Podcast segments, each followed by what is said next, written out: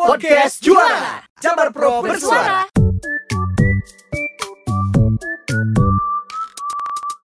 Bismillahirrahmanirrahim. Assalamualaikum warahmatullahi wabarakatuh. Sampurasun. Apa kabar Margi Jabar? Kembali lagi di podcast Juara Jabar Pro Bersuara. Nah kali ini tentunya kita menghadirkan narasumber yang menarik Karena sesuai dengan tema podcast kita yaitu Raih Medali di Bumi Cendrawasih Wargi Jabar, pembukaan Pekan Olahraga Nasional ke-20 Papua tahun 2021 tinggal menghitung jam.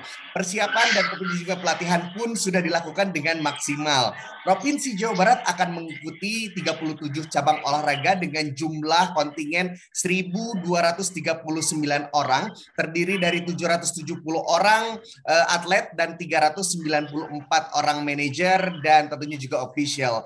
Jabar pun menargetkan 164 medali emas dengan harapan dapat mempertahankan gelar juara umum.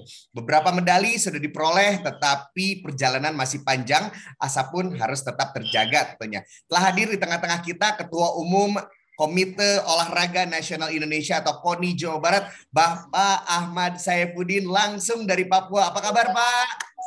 Alhamdulillah. Assalamualaikum warahmatullahi Rampes. Alhamdulillah. Gimana gimana Pak di Papua Pak sekarang Pak boleh diceritain mungkin sebelum kita ngobrol-ngobrol tentang PON nih Pak. Panas Kang. Oh panas. panas hati, panas udara, panas segala rupiah lah. Oke oke. Tapi alhamdulillah uh, semuanya sehat ya Pak, rombongan semua ya Pak. Alhamdulillah sehat Kang. Alhamdulillah.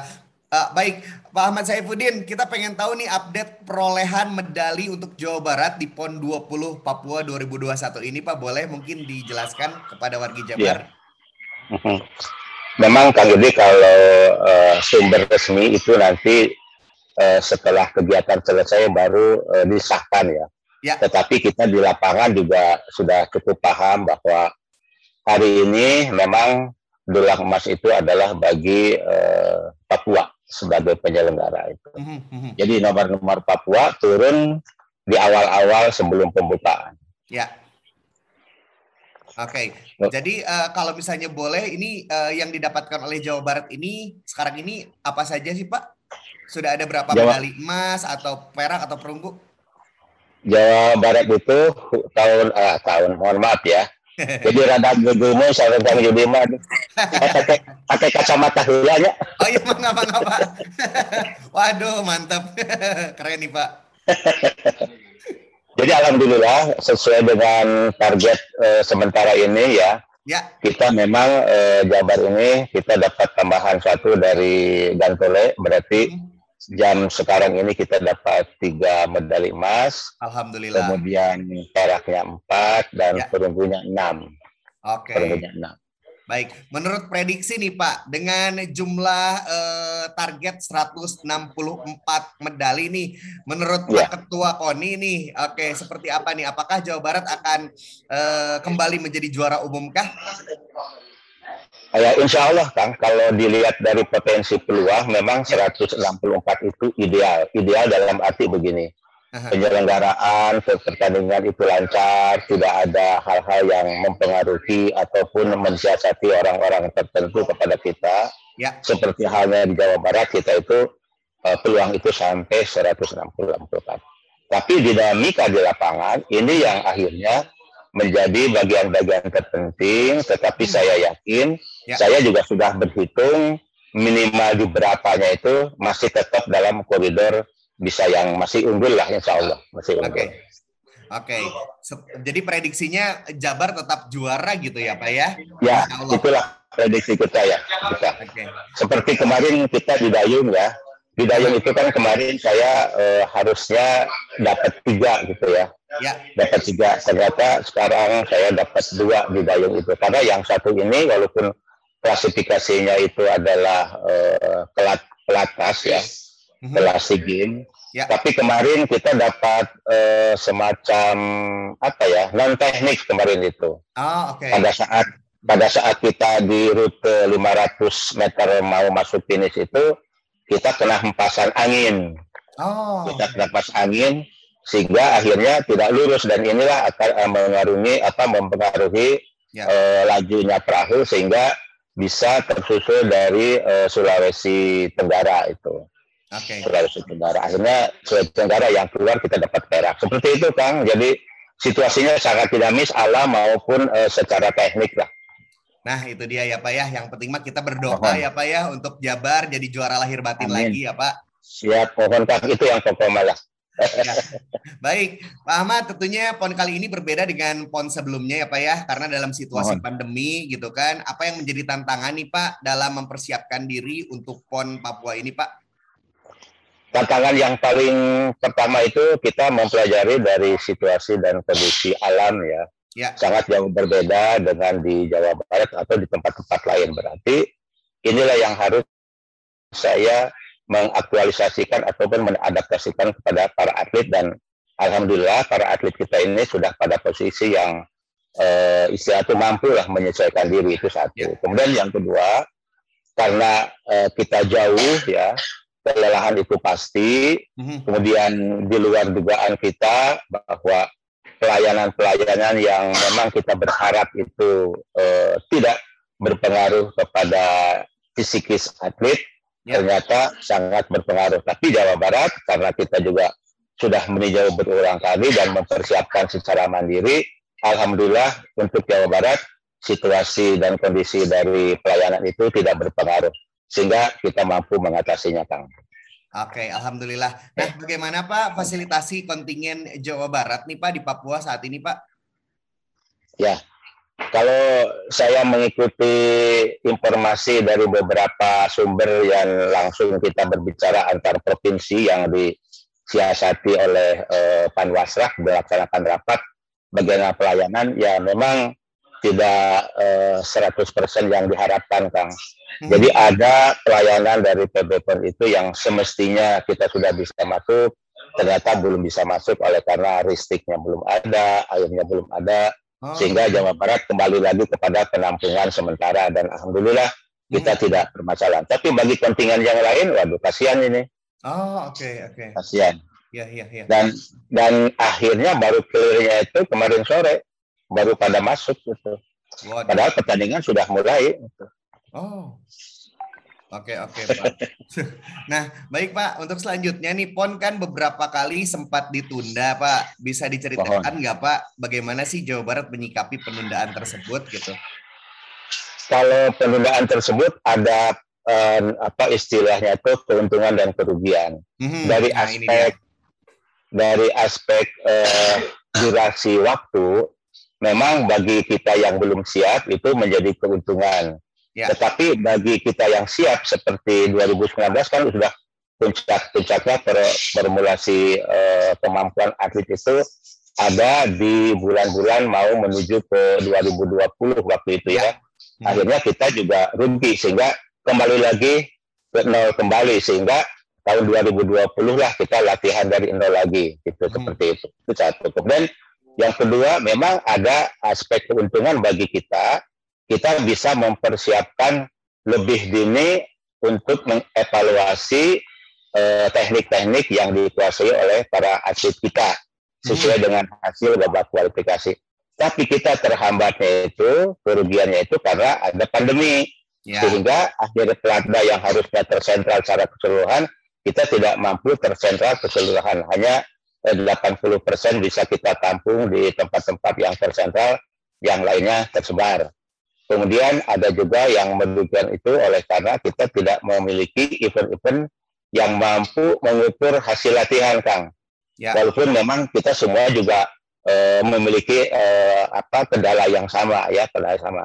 Tapi kan akhirnya kita tidak mampu mencuri dan melihat dari depan eh, dari dari apa itu dari depan gitu ya hmm. sesuatu yang dilakukan oleh eh, kompetitor kita kompetitor kita tapi dengan perjalanan uh, empat hari, insya Allah uh, kemampuan-kemampuan para atlet kita ini tidak uh, terlalu berkurang. Ya artinya mampu tampil dengan sebaik-baiknya. Hanya yang menjadi permasalahan bagi kita itu, saya harus mampu mengendalikan emosional dari para atlet kita ya. yang memiliki kapasitas. Jangan sampai emosi Karena hmm. kalau sudah emosi, wah ini cukup cukup berpengaruh kepada uh, kemampuan uh, secara teknik. Nah ini yang sedang saya jaga termasuk hari ini kita juga dirugikan tadi di judo gitu ya.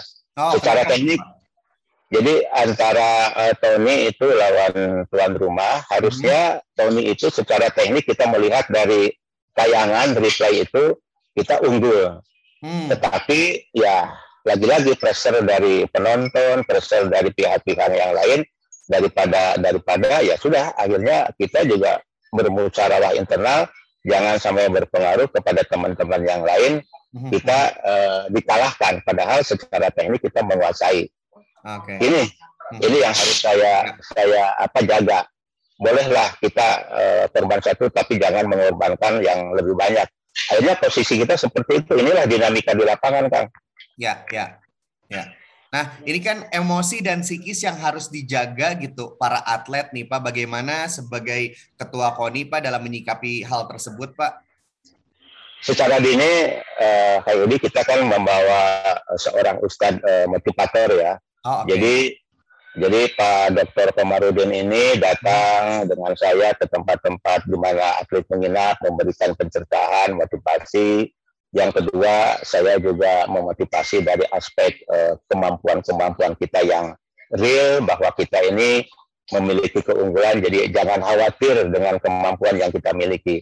Yang jelas kita harus mampu uh, menetralisir emosional dengan tetap eh, berdoa kepada Allah karena memang secara lahir kita sudah berupaya, secara batin lah kita melengkapi itu satu kang. Kemudian yang kedua saya eh, memberikan perintah kepada para para eh, manajer dan juga para pelatih ya. harus mampu mengendalikan semua atlet, jangan terpengaruh jangan terkena pressure-pressure eh, pihak-pihak tertentu yang memang memancing emosi seperti itu Kang yang paling mendasar yang kami sampaikan kepada teman-teman atlet dan para pelatih yang memang mengasuh sejak awal gitu Kang. Hmm, baik, selain psikis dan emosi Pak, eh, kesehatan para atlet ini menjadi hal yang paling utama. Nah, bagaimana Betul. dengan penerapan protokol kesehatan Pak selama berlaga? Ya, memang secara dini kan eh, Pak Gubernur kita ini sangat eh, respon ya, sangat memperhatikan kepada kesehatan. Kita juga dibekali dengan berbagai macam uh, istilahnya itu uh, bekal-bekal untuk tetap anak-anak sehat. Iya. Apakah ya. itu vitamin dari pihak kita, kemudian uh, ada semacam uh, prokes yang diterapkan sedemikian rupa. Hmm. Bahkan uh, Pak Gubernur kan memberikan uh, SDM untuk dokter-dokter uh, yang memang menguasai setiap saat. Kemudian yang lebih pokok lagi, kita juga di sini menerapkan bahwa atlet tidak boleh keluar setelah melaksanakan pertandingan wajib kembali kepada penginapan dan tidak boleh lagi keluar. Jadi kita 100% melayani kebutuhan-kebutuhan uh, atlet dan memang uh, untuk menjaga kesehatan yang paling pokok itu selain vitamin kita memberikan air yang lebih uh, lebih ya untuk tidak uh, terjadi dehidrasi. Alhamdulillah sampai hari ini para atlet kita ini masih terlindungi sehat dan khusus bagi atlet-atlet yang body contact atau istilah saya itu yang pertandingan seperti di bela diri memang ada keputusan yang mengharuskan satu hari sebelum pelaksanaan pertandingan kita harus melaksanakan swab antigen. Kita hmm. melengkapinya, dokternya, sarana-sarananya, kemudian kami juga sudah berkoordinasi dengan Labkes, bahkan gubernur kita e, memberikan hibah satu alat untuk melaksanakan PCR. Nah ini adalah kiat-kiat untuk uh, menetralisir, memberikan motivasi, keyakinan, percaya diri kepada kita untuk tidak uh, terpengaruh oleh situasi yang menekan sehingga nanti imun itu berkurang. Alhamdulillah sampai hari ini kita tidak ada uh, atlet-atlet yang terpapar, Kang. Alhamdulillahirabbil alamin. Baik, itu dia ya. Emosi dan uh, psikis sudah terjaga, protokol kesehatan pun tentunya sudah dipersiapkan. Nah, berbicara mengenai cabang olahraga nih Pak, cabur mana oh. saja yang diproyeksikan mendapatkan banyak emas, Pak, dan kenapa? Baik. Jadi alhamdulillah, Kang. Ya. Kalau kita ingin tetap juara umum itu kita harus memperoleh antara persentase 20% minimal ya, ya sampai 22% lah. Hmm. Kalau 22 persen, 22 persen itu tidak kurang dari 147-an lah, 147. Ini ya minimal 137.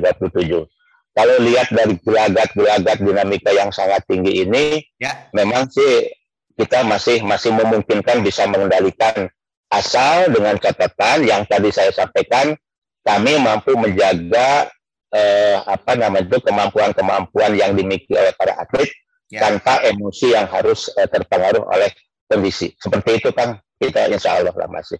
Baik, jadi kira-kira cabur mana nih Pak yang diunggulkan Pak? Nah, cabur yang diunggulkan tuh yang pertama jelas di bela diri. Bela diri itu ada eh, 11 cabang olahraga. Ya. Insya Allah itu kan sangat terukur ya.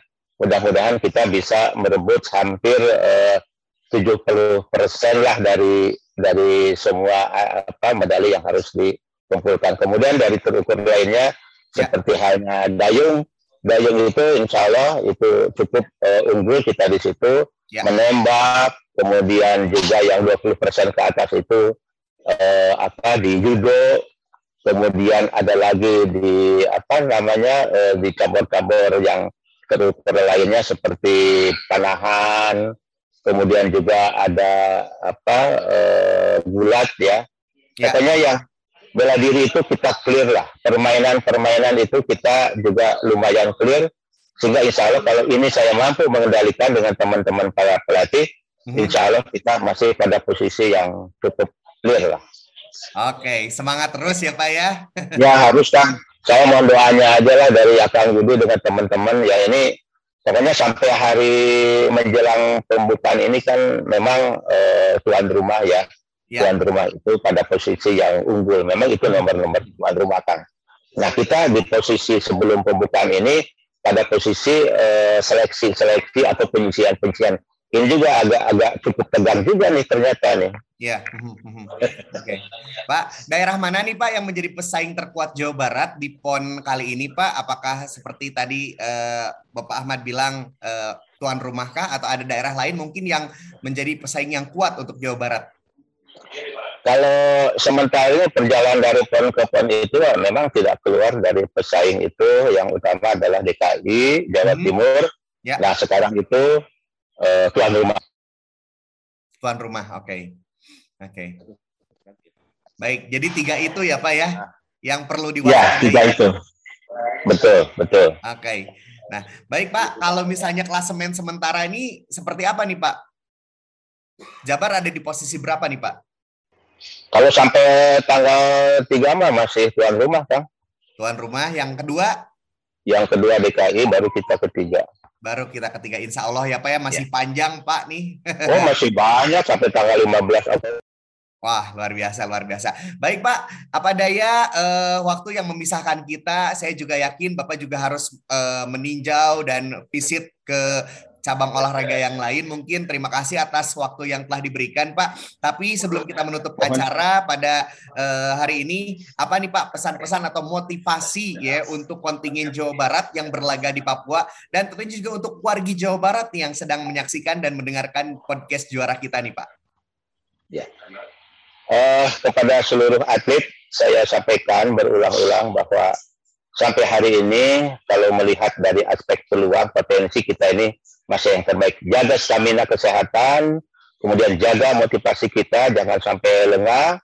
Kemudian yang ketiga, kita akan bermain all out untuk mempertahankan prestasi terbaik uh, bagi Jawa Barat. Khusus kepada masyarakat Jawa Barat di mana pun uh, saudara berada, mohon doa restu, mohon didoakan agar kita selamat, lancar, mudah, dan mencapai prestasi yang kita targetkan. Itu Kang.